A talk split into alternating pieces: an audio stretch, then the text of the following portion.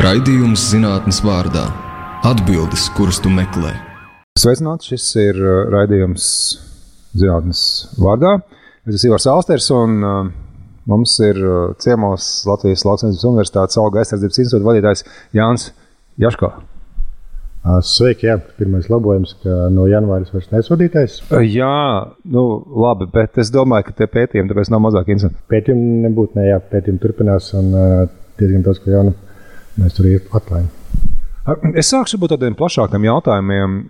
Kas tā auga aizsardzība tāda ir? Tas skan ļoti tā, nu, daudzsološi, smalki pat kaut kādā veidā. Ja, kā.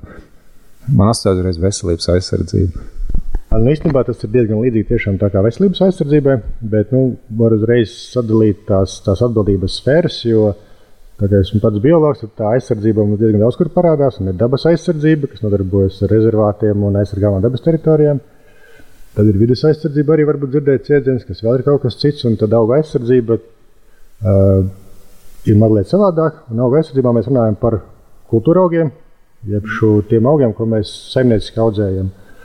Vai tas ir labības, augļu koki, krūmi, bet jebkas, ko mēs audzējam, lai iegūtu no tā visbiežāk pārtika cilvēku vajadzībām. Un, attiecīgi, jo vairāk mēs audzējam kaut ko kopā, vai tie ir lauki ar graudaugiem, vai jā, milzīgi abeļdārzi, tad līdzīgiem augiem kopā augot, nu, tāpat kā cilvēkiem dzīvojot kopā, sāk izplatīties kaut kādas slimības starp viņiem, parādās kāds kaitēklis, ir kaut kāda nezāle vai nevēlams augs, no kā mēs gribam tikt vaļā.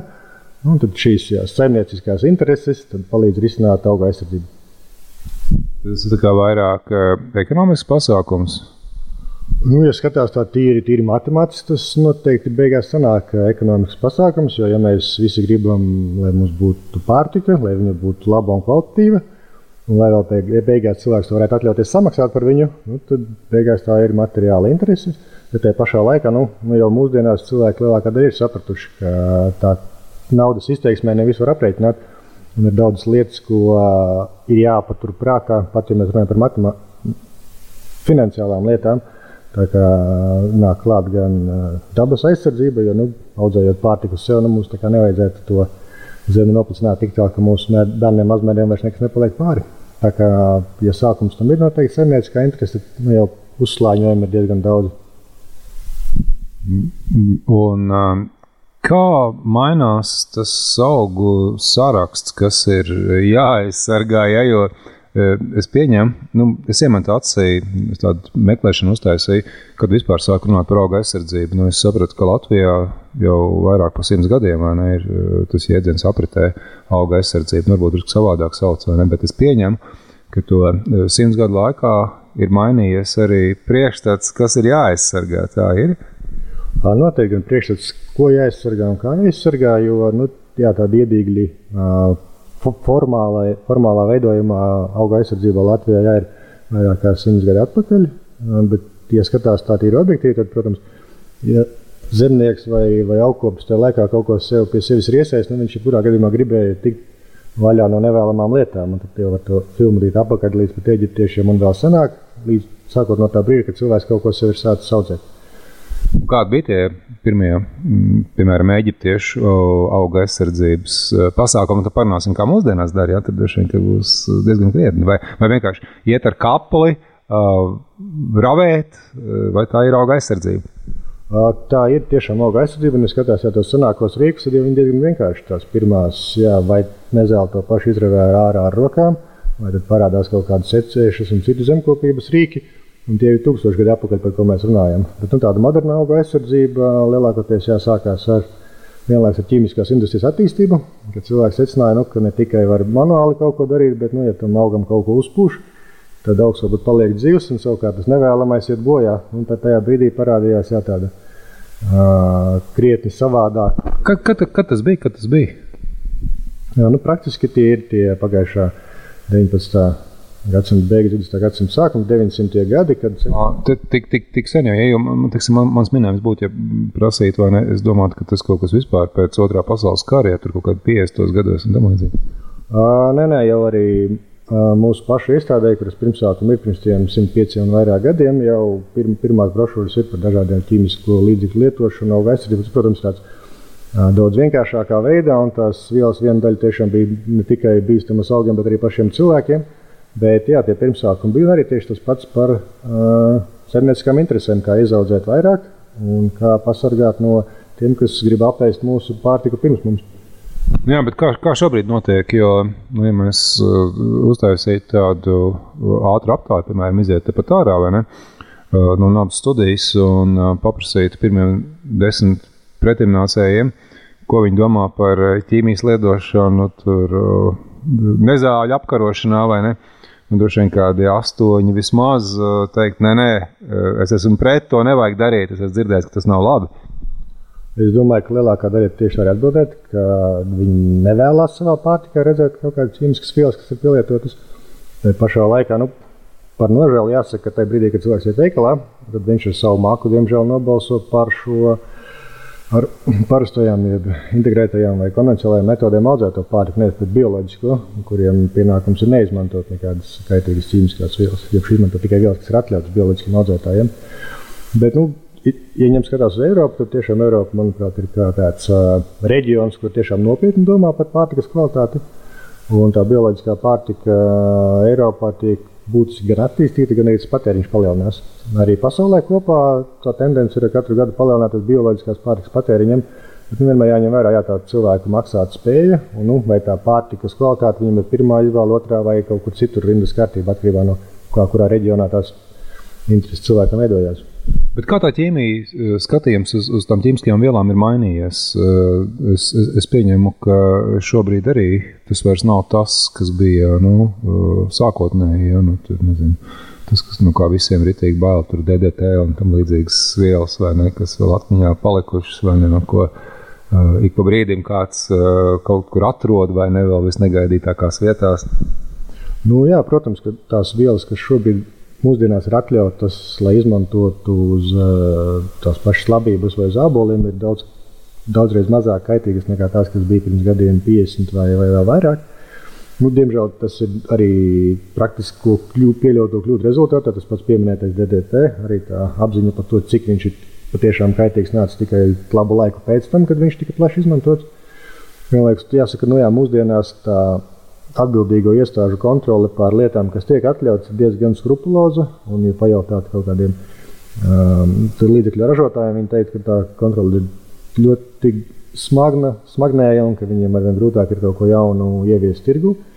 Tā pašā laikā nu, jāsaprot, ka vienmēr ir kaut kāds līdzsvars starp zinātniekiem, kuri kaut ko jaunu cenšas radīt, uh, tā pielietojumu, vai cik tas pozitīvais viņai no vienas puses ir kaut kādas negatīvās blakus uh, blakus efekts vai blakus parādības otrā pusē. Un, jā, un trešais ir ekonomikas faktors, vai ir kaut kādas citas alternatīvas, un kurš par to visu beigās maksā. Kā, tas ir ļoti, ļoti sarežģīti. Un, Jāsaka, auga aizsardzībā vienmēr ir tas viena ir tā zinātniskā puse, kur mēs tā tīri abstrahējoties, skatāmies viena viela vai kaut kāds pasākums strādā vai nestrādā. Tad otra viela ir tas, kā viņš darbojas uz apkārtējo vidi, pēc tam uz cilvēku veselību. Tad vēl kāds ir emocionālais faktors, ka cilvēkiem, nu, treti, kuram jāpatīk pilnā maskā terpjas uh, traktora operators, brauc un smidzina. Un tie, tie, tie tvaiki iet pa gaisu. Un ceturtais visam nāk pa virsmu tas finansiālais. Un tad, jā, tajā brīdī, kad skatās uz vienu no aspektiem, viss liekas tā ļoti skaisti un vienkārši, bet tajā brīdī, kad mēģina salikt visus kopā, nu, tad tas vairs nebūtu nepaliek ne skaisti, ne vienkārši. Bet Kā tas tagad būs? Nu, tāds varbūt ideālais scenārijs. Ekonomika attīstās, cilvēkiem ir vairāk naudas, viņi ir gatavi tērēt kaut kam, kas ir žargonā, bioloģiski, žargonā sakot, bioloģiski audzēts. Tad jūs bez darba nepaliksiet, vai jūs kaut ko domājat jaunu? Nu, tā, ka, ja skatās uz tiem pētījumiem, ko mēs veicam Auga aizsardzības zinātniskā institūtā, tad nu, jau pēdējos gados tas uh, būtiskais uzsvars ir uz dažādiem bioloģiskiem līdzekļiem, bioloģiskajām metodēm, jaunajām metodēm, tā skaitā dažādu jaunu tehnoloģiju, piemēram, lāzeru vai tam līdzīgu izstrāžu izmantošanas. Tā kā šajā ziņā pētniekiem nu, teiktu, tā darba ir vēl vairāk, jo, ja pieņem, ka tās standarta metodas, jeb šo ķīmijas izmantošanu atstājam lielajām kompānijām, kas ar to nodarbojas un kurām tas ir bizness, un viņām resursu uh, ir daudzkārt vairāk nekā zinātniekiem. Tad zinātnieki jāpievēršās šīm alternatīvām metodēm, kā mēs vēl varam nodrošināt vajadzīgo pārtikas apjomu, bet pašā laikā jā, samazinot to ietekmi uz, uz dabu, samazinot ietekmi potenciāli uz cilvēku veselību. Tā kā es teiktu, ka tas zinātnieku darbs ar vienu tikai palielinās. Varbūt sadalām pa daļām. Jūs nosaucāt vienu, ka ir kaut kāda daļa, kas ir bioloģiskās metodas, nu, tur tā teikt, Uh, nezinu, augi pret augiem vai kaut kas tāds. Es vienkārši tādu fantazēju, vai ne tur, tur tā teikt, um, uh, augēdāji augi vai netiek palaista kaut kāda kultūra. Ja? Um, vai, vai otra lieta, jūs teicāt, lāzeri, un tad vēl būs kaut kāda trešā daļa.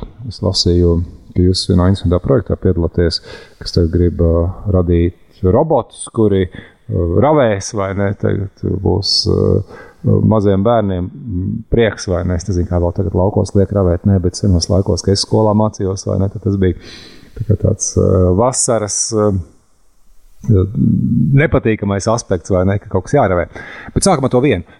Kā var bioloģiski uh, apkarot, nu, ja es pareizi saprotu, ka ir kaut kāds kultūra augs, vai ne, ir pieņemts, ka šis būs kultūra augs, ka droši vien var mainīties, jā, nezinu, kaut kāda virza varbūt kultūrā, droši vien, ka var vai ne, un tas gan būtu labi, vai ne, vai balans. Es tagad saku savu stereotipisko priekšstatu par to, kas tās populārākās nezāles ir, un es droši vien vairāk neko nezinu. Nu, jā, ko nozīmē tas bioloģiskais aspekts? Kā var tagad panākt to, ka viens augs aug un cits neaug ar bioloģiskiem līdzekļiem, neietverot tur laikam tos ķīmiskos līdzekļus, vai ne, kas ir tie mas, masveidi pielietotie?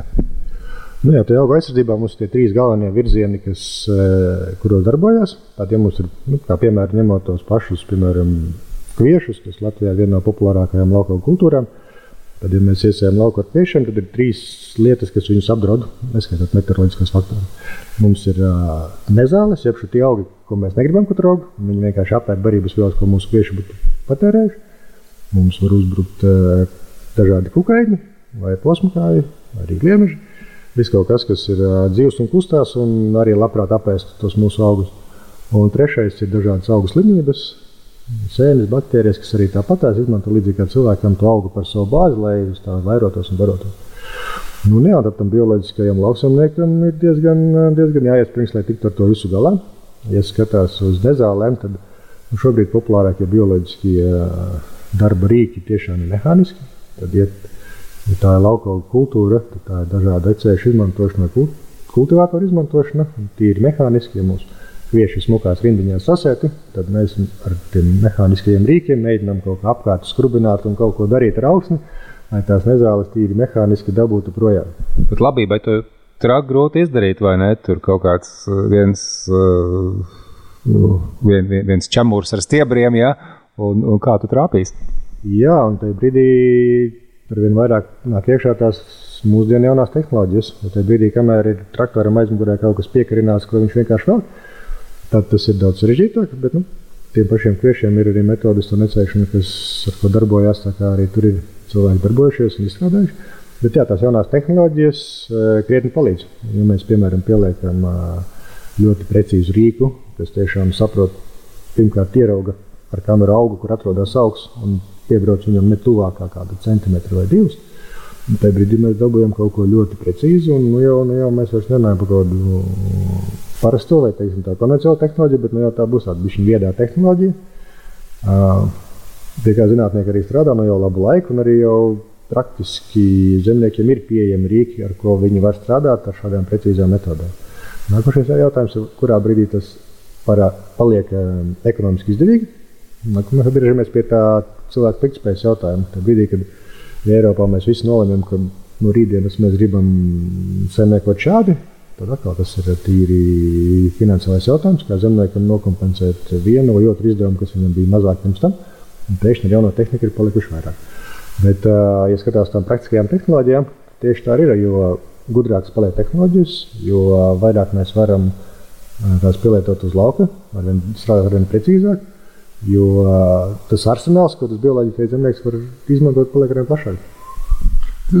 Tas būtu tā, palaiž tagad kaut kādu mazus robotiņus, kas ar uh, lāzeriem tur uh, iznīcina.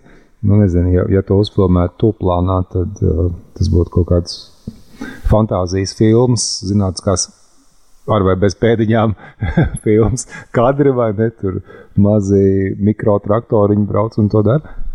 Jā, un īstenībā tas nemaz vairs nav tālu no, no realitātes, jo robotika kopumā zinātnieki strādā ļoti ilgstoši.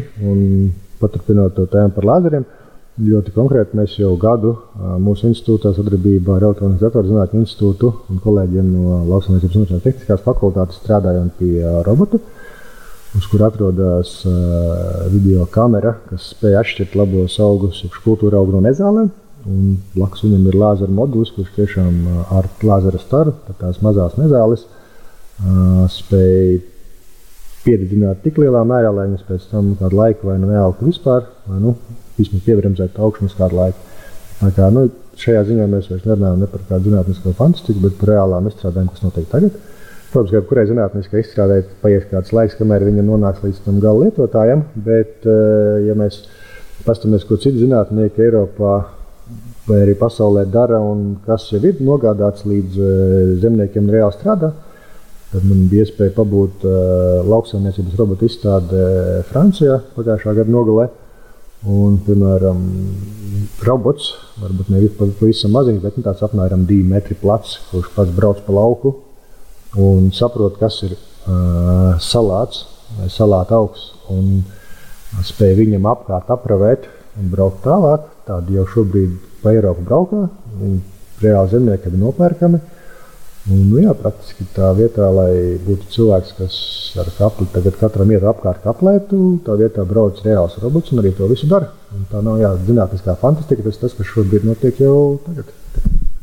Un, kā, kā vispār tādas robotus būvē? Nu, tādā nozīmē, labi, es neprasu to tehnisko procesu vai ne, kā izvirpo detaļas, bet es domāju, nu, kā viņas konceptuāli izstrādājam, teiksim, kā tagad sanāk kopā, mums kaut kāda problēma, vai ne? Un, un kas tur ir tie soļi, ka nonāk līdz prototipam, kamēr nonāk līdz prototipam, kurš, kurš reāli strādā. Nu, kaut kādām idejām jābūt, nu, vienkārši kā man interesē, kā domā zinātnieki, inženieri šādā situācijā? Jā, inženieriem tas tieši saprot, kas ir tā vajadzība, kuru vajadzīs atrisināt.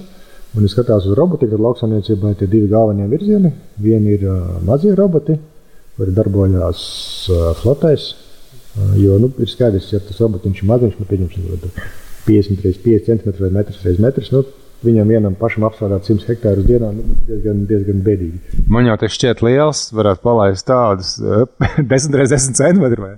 Jā, 10 x 10 arī droši vien centimetri kādreiz būs, bet pagaidām pie tiem strādā mazāk, jo nu, arī tīri tehniski tas ir diezgan sarežģīti.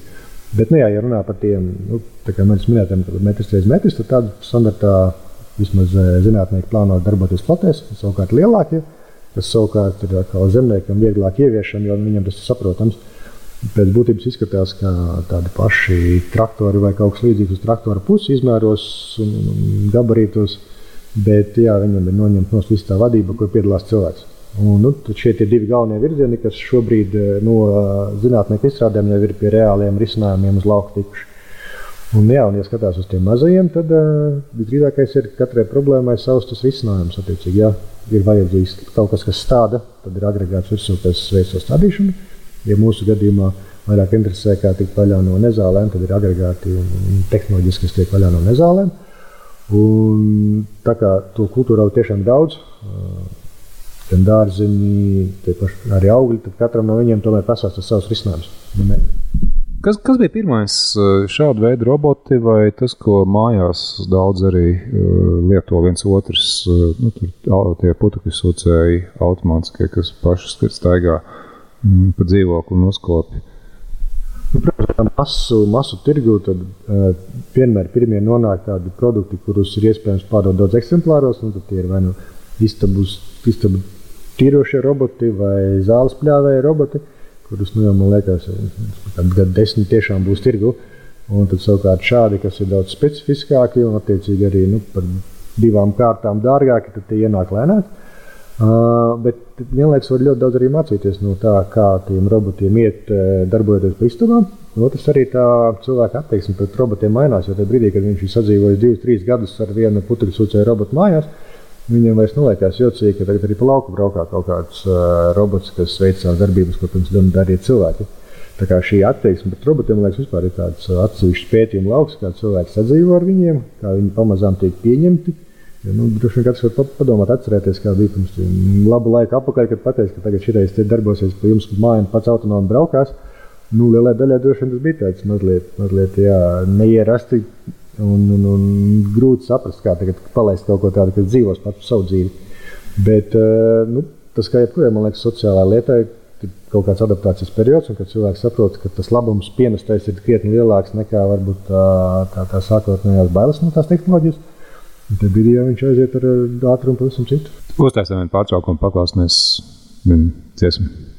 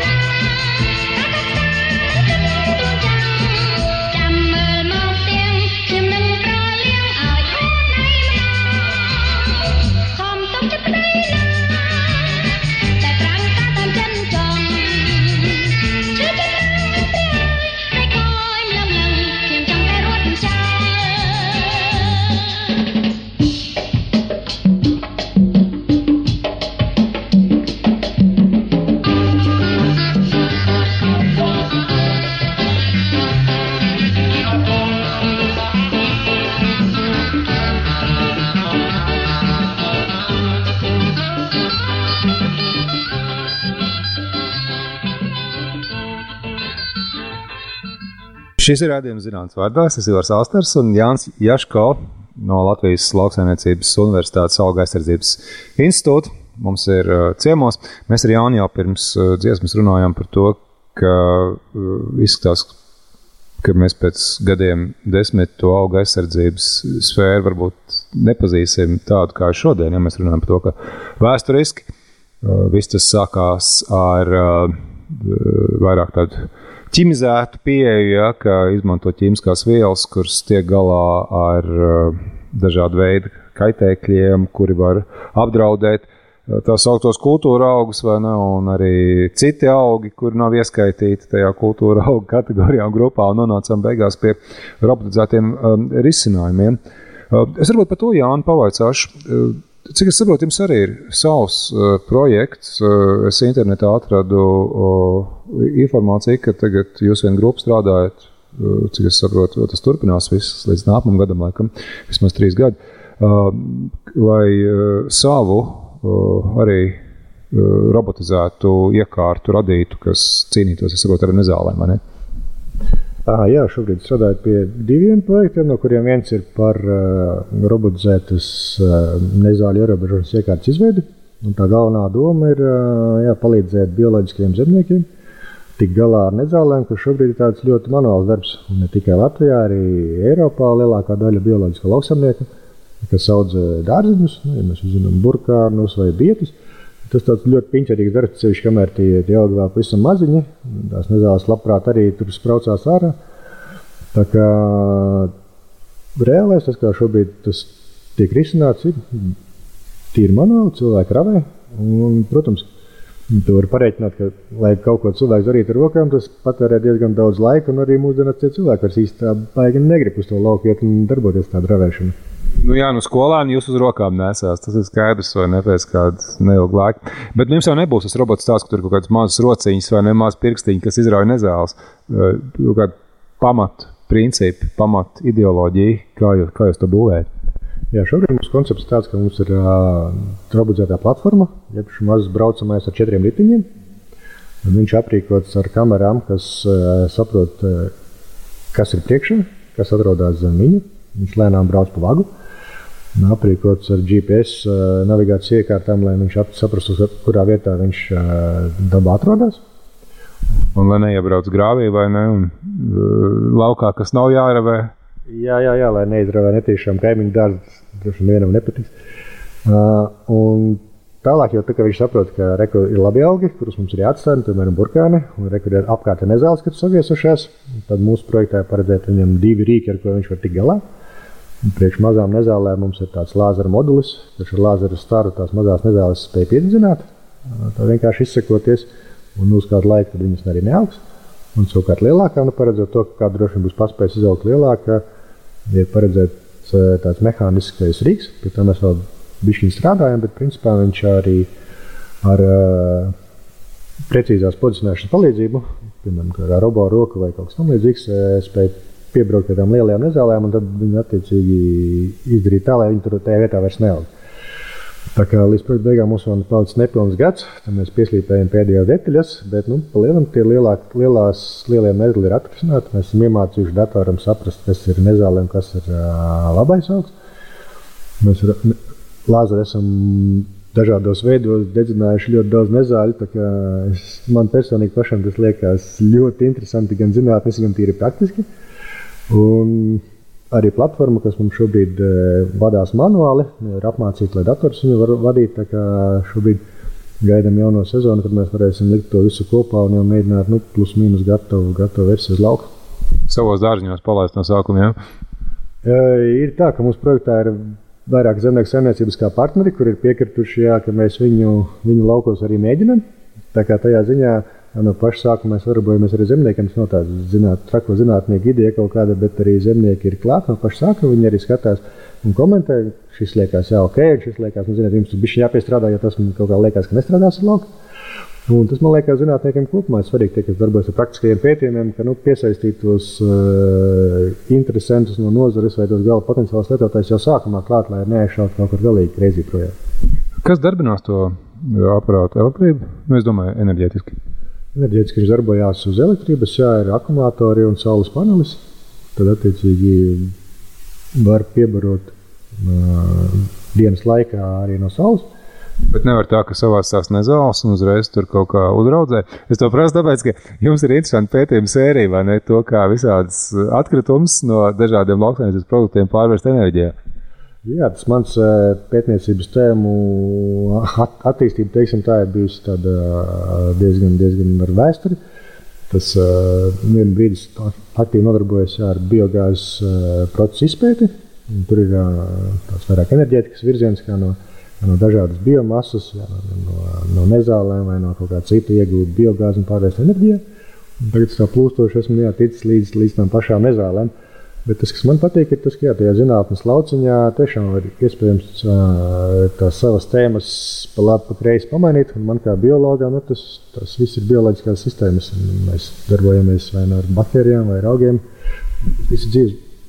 Tas būtu nākamais solis. Nu, es to sāku kā tādu pa pusē joku, vai ne? Bet, nu, pa īstām, vai ne? Savāc tās nezāles, vai ne? Un tad ir kaut kāds konteiners, kas tur uh, uz tās ierīces, uz tā robota kaut kur stūrī stāv, un tur viss tur rūkst, vai ne? Un ražo biogāzi, un tad ir iekšzemes dzinējs, kas pārvērš visu to elektrībā, un, un tad ir saules enerģija. Nu, kritiskā gadījumā, ja maz nezāles un, un nomākušās dienas, tad jāiesprāž kaut kur pa, pa nakti, lai uzlādējas. Par tām nezālēm varbūt eh, nebūtu tik droši, bet nu, kopumā Latvija, kā, kā, kā zaļā valstī, kā valsts, kur atrodas klimata zonā, kur biomasa aug, gribi vai negribi, jā, tad tā biomasas enerģija ir jebkurā gadījumā ir un būs gan no, gan no mežiem, gan no koknes, gan arī zaļā masa, kas ir no augiem palikusi pāri. Tā skaitā arī dažādi um, zāles, zāles, zāles produkti, kuri šobrīd, nu, ja pabraukā pa laukiem, var redzēt, ka tas, piemēram, nopļautais, savāktais siens nevienmēr tā ekonomiski tiek izmantots, jo to platību mums ir krietni vairāk nekā to, to ēdāju, kas pēc tam viņu apēdīs. Tā kā, ja mēs skatāmies Latviju kā enerģētiski valsti, kas gribētu būt enerģētiski neatkarīga, tad uh, biomasa ir viennozīmīgi viens no tiem resursiem, kas šobrīd uh, ne tu, netiek izmantots maksimāli. A kas ir ar salmiem? Man, es, es zinu, ka es kādreiz, kad es pats vēl students biju, mēs aizbraucām uz, uz Bornholmu, Dānijā, un, un tur mūs uzaicināja ciemos. Mājās tie pasākumu rīkotāji. Viņiem bija ārkārtīgi vienkārši krāsnes, kas no tehnoloģijas viedokļa diezgan primitīvi, kurā viņi dedzināja salmu ķīpes kas Latvijā man šeit ir tāds ļoti maz izmantots resurss, vai izmanto varbūt, vai es varbūt kaut ko nezinu. Bet to, to ko viņi darīja, viņi vienkārši uh, dedzināja salmu ķīpes, kas bija lēts uh, un gan efektīvs veids, kā apsildīt māju. Um, izmantošana, salmu izmantošana kā apkuras materiāla Latvijā ir arī tās lielo, lielo rulonu dedzināšana pašvaldību kurtuvēs ir izmantota, nav pārāk plaši. Uh, Tad tie savi tehniskie aspekti, kad viņi ir, kad viņi nav izdevīgi. Bet salmēm kā tādiem ir diezgan arī tādas augstākas pievienotās vērtības eh, iespējas. Un gan kā pakaišu materiālam, gan arī citās jomās, tā kā salmi diezgan, diezgan, diezgan izmantot kā resursu. Un arī, skatās no zemnieku viedokļa, ceļš tie, kas aktīvi audzē um, labības, tad um, salmi tiek diezgan arī populāri iestrādāt atpakaļ augsnē, lai uzlabotu auglību un nodrošinātu, ka tas ogleklis augsnē paliek un netiek izmests. Uh, ir dažādi risinājumi, kas jau tagad tiek izmantoti un kas ir uh, labā praksē. Ir, protams, kaut kādas lietas, kur mums ir daudz kā attīstīties. Tāpat biogāze skatās. Latvijā salīdzinoši diezgan daudz biogāzes stāciju. Mēs paskatāmies to pašu salīdzinājumu ar Igauniju. Kādu laiku atpakaļ bija tāds labs atbalsts, bet uh, tas nākošais solis uz priekšu, skatās uz biogāzi, būtu iešana uz um, biogāzes ievadīšanu kopējā tīklā. Un pagaidām tas nenotiek tik raiti. Arī pašam sanāca būt Zviedrijā, kur tas ir diezgan standartizēta praksa, kad biogāze tiek attīrīta līdz tādam līmenim, ka viņi tiek ievadīti kopējā gāzes tīklā un pēc tam vai nu izmanto maisaimniecībā vai kaut kur citur. Bet, bet tagad kāds teiks, tas būs kaut kāds OIK. Nu, tā kā es minēju, jebkurā lietā klāt nāk tas politiskais jautājums un finanšu aspekts, bet nu, no tādā zinātniskā tīra skatās, protams, enerģija jāizmanto tajā vietā, kur viņai ir vislielākā pievienotā vērtība. Un pievienotā lielākā pievienotā vērtība ir, ja viņi tiek līdz kopējam tīklam. No tajā brīdī jau tu vari sākt piegādāt viņiem tiem pieprasītājiem, tiem patērētājiem, kuriem viņas vairāk ir vajadzīgi. Bet ja mēs tagad, nu, tas, tas, ko mēs līdz šim runājām, nu, tā droši vien vairāk nav nekāda fantastika, ja, bet uh, tas, kas man šķiet interesants jautājums, Vai, vai kāds strādā arī tajā virzienā, kā teiksim, nu, mēs tā kā puspa jokam teicām, vai ne? Nu, es mēģināju jokot, ka var radīt uh, augus, kas apēd cits augus, vai ne? Bet šis virziens, cik es saprotu, viņš jau arī par to var teikt domāts, vai ne, teiksim, kā um, kukaiņu viena suga uh, apkaro citu, vai ne? Un tagad viens no veidiem ir palaist vienu veidu, lai, kas ir mazāk kaitīgs augiem, kas apkaro citus, vai nu, es tā kā tēlēni saku, es droši vien pietiekami neprecīzi par to runāju. Vai šādā virzienā arī kaut kas tiek darīts un, un, un domāts, ja teiksim, ar pašas dabas līdzekļiem apkarot noteikti veidu dabas aspektus, kas ir tajā brīdī nevēlami. Jā, jā, tas virziens ir diezgan arī ar ilgsto, ilgstošiem pētījumiem un arī praktiskiem rezultātiem. Ja skatās ceļš siltumnīcas, tad ir arī kaitēkļi, kas tur savērojas iekšā. Mēs negribētu, ka mūsu tomātus nonāk, piemēram, balgus. Tad pret viņām tiek izmantot tās plēcīgos kukaiņus, vai arī parazītus. Attiecīgi izlaiž mūsu leksikā to sauc par derīgajiem. Kas nu, no tāda dabas skatu punkta, protams, ir tāds arī cilvēku iedalījums, derīgie un nepārāk derīgie, bet nu, tas ir tas, kā, kā mēs mēģinām viņus nodalīt. Un, attiecīgi, tad uh, savukārt šie derīgie kukaiņi, jā, vai nu viņi apēd mūsu kaitēkļus, vai viņi uz viņiem vairojās, un nu, tādā veidā viņus ierobežo. Bet šis jau ir tiešām arī jau biznesa niša izveidojusies. Ir kompānijas gan Eiropā, gan pasaulē, kas speciāli arī audzē šos kukaiņus un pēc tam tirgo zemniekiem, lai varētu palaist. Tas ir viens, viens no aktīviem virzieniem. Jā, līdzīgi ir arī par minētajām slimību ierobežošanām, jo arī ir tam pašām varbūt agresīvākām slimībām, ir mazāk agresīvās, kas eh, tik ļoti neizpaužās. Un ir iespēja palaist, nu, piemēram, runā par arī vīrusu, dažādiem augu vīrusiem, tad arī ir agresīvāki vīrusi mazāk, un ja laik, aug, augus laicīgi inficē ar tādu mazāk agresīvu vīrusu, un viņš varbūt nedaudz kaut kādu procentiņu tev nometīs to ražu uz leju, tad, ja viņš vienreiz ir ieviesies, tad viņam tad uz tā auga vairs nav vietas, kur tam agresīvajam tikt klāt. Un tādā veidā cilvēki ļoti. Viņš tā kā rezistenci izveido, ne mēs domājam terminoloģijā, kas varbūt cilvēkiem pierastāk. Es šajā gadījumā neteiktu, ka tā ir rezistence, bet viņš jau tur iekšā. Un, ja viņš ir iekšā, tad viņš aizņēmis to ekoloģisko nišu, kur tam otram iemesties klāt. Līdzīgi arī slimībām uz auga, tīri, tīri fiziski uz lapas. Ja tur ir uzaugusi kaut kāda nedaudz sēne, kur ir mazāk, mazāk to augu ietekmē, tad vienkārši otrai agresīvākai sēnē vienkārši fiziski pietrūks vietas, kur augam attīstīties.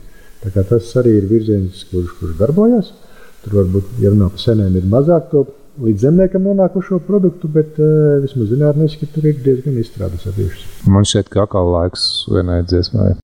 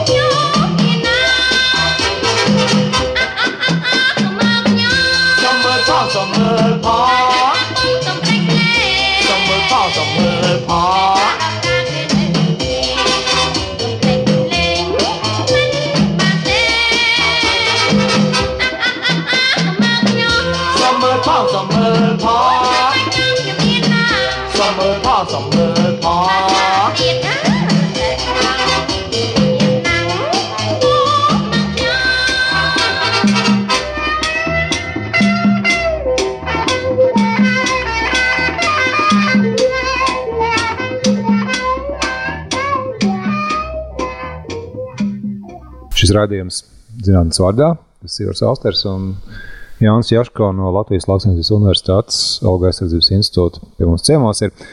Un mēs jau iepriekš izrunājām gan to, kā robotus varētu lietot, un jau lieto daļēji uh, nezāļu apkarošanā, jā, un tad tā pēdējā tēma, ko mēs pirms dziesmas pārnājām, bija, kā var ar bioloģiskiem līdzekļiem, vai tie būtu dzīvnieki, vai vīrusi, ja, vai, vai kaut kādas sēnītes, ko apzināti izmanto, inficējot augus, kā plašākā nozīmē tas var palīdzēt. Jā, man šķiet, tajā visā, ko jūs stāstījāt, tas šķiet tā tāds nu, skaists metafors.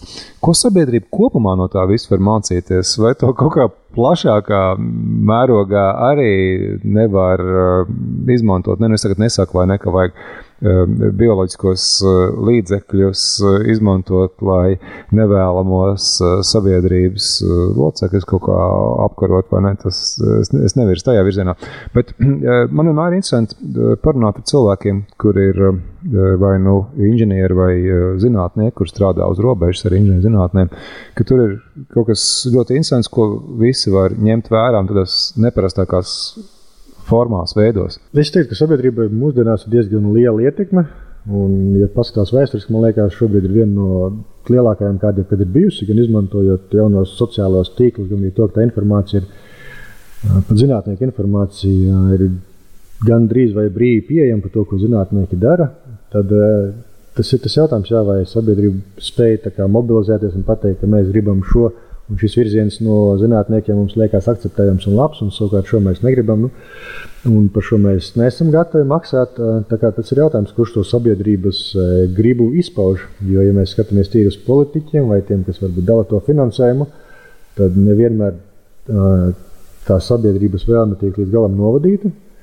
Un varbūt tās ir veidi, kā, kā, kā tiešām sabiedrībai pateikt, kas tas, ko tiešām viņi vēlās. Un atkal ir pretēji bišķiņam no tā zinātniekiem, tā informācijas novadīšana līdz sabiedrībai.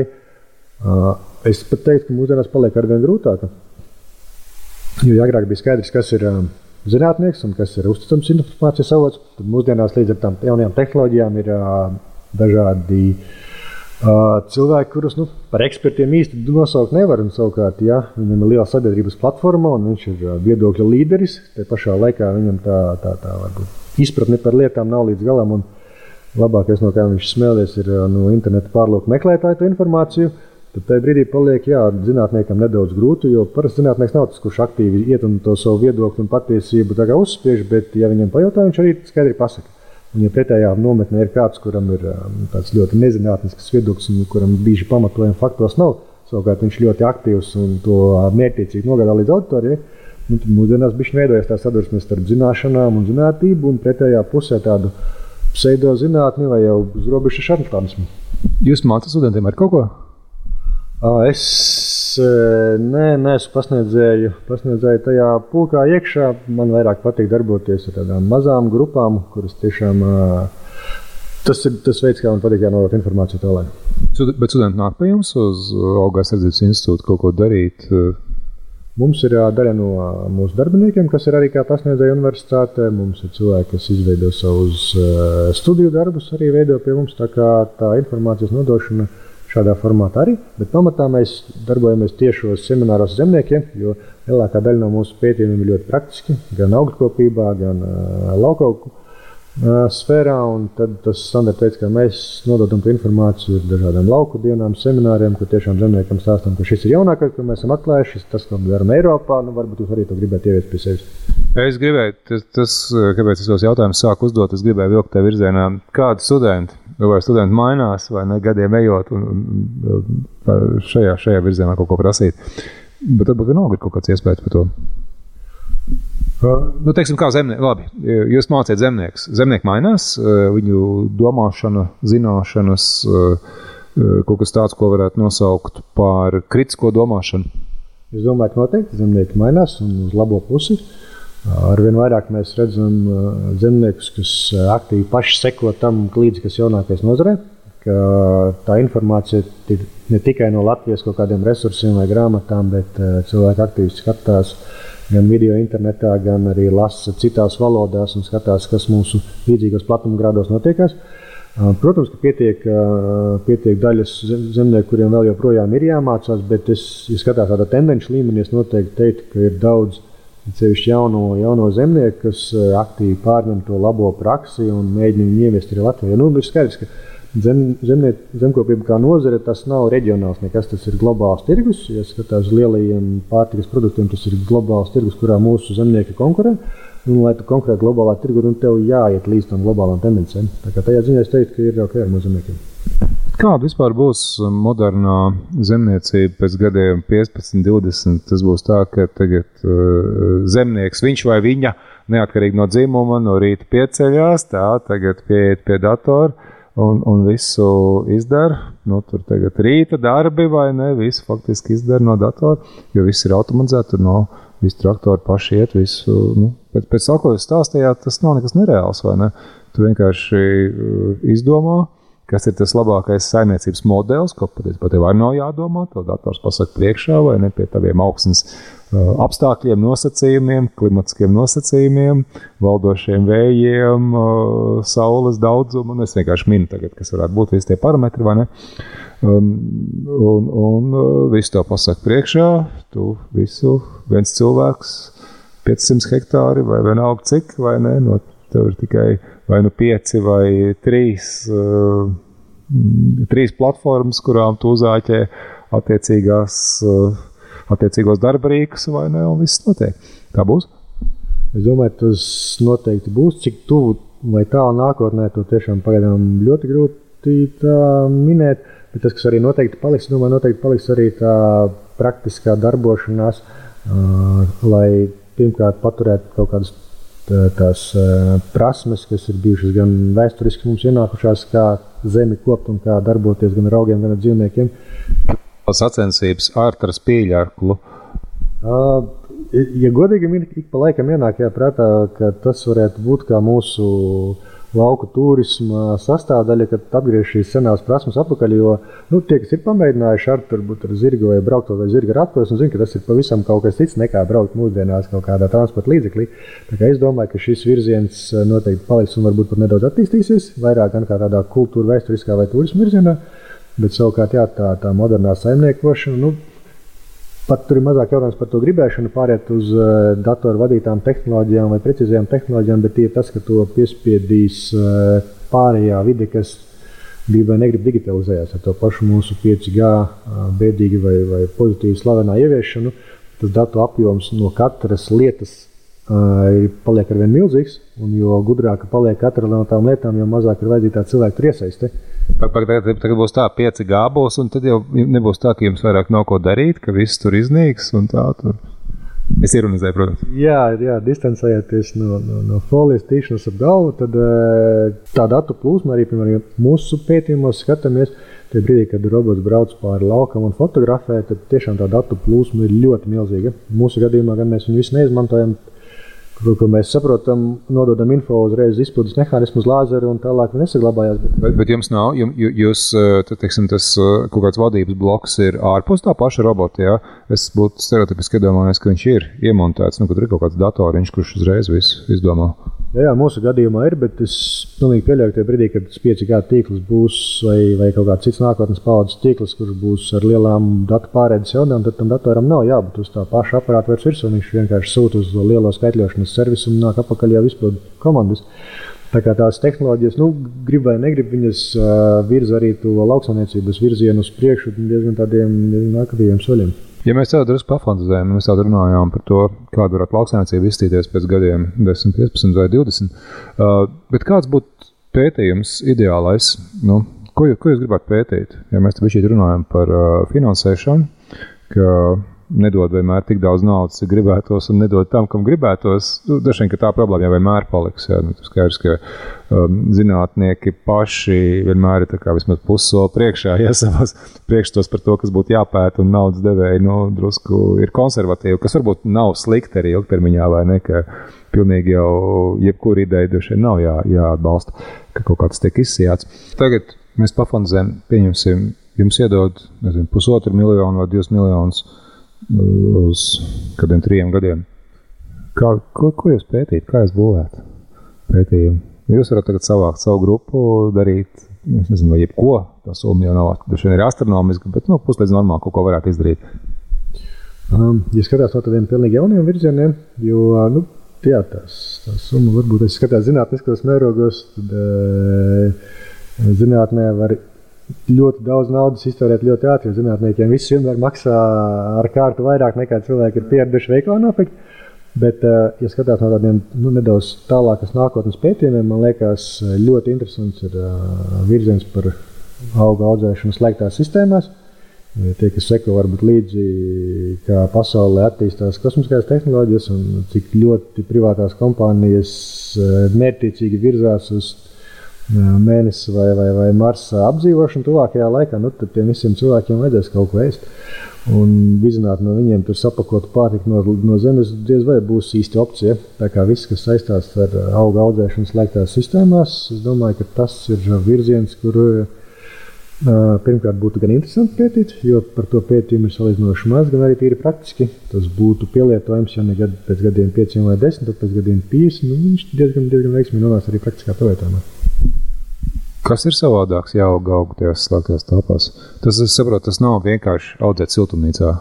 Gaisa cirkulācija slēgta, tas viss paliek sarežģītāk. Nu, viņš ir audzēt pavisam mazos, mazos traucējumos tilpumos vai, vai apjomos, kā dara laboratorijā zinātnieki. Tur ir tas pašu audzēt lielos apjomos, lai nodrošinātu tiešām nu, veselas kolonijas paēdināšanu. Tad tur ieslēdzās jau, jau citi, citi, citi aprēķini un citas problēmas. Paldies, Jānis. Tad mums šodien ciemos Jānis Jaško no Latvijas Latvijas Universitātes auga aizsardzības institūta. Šis bija raidījums zinātnīs vārdā. Es esmu Ivars Austers, un mēs tiekamies atkal pēc kādām divām nedēļām. Paldies! Paldies. Raidījums zinātnes vārdā - atbildes, kuras tu meklē.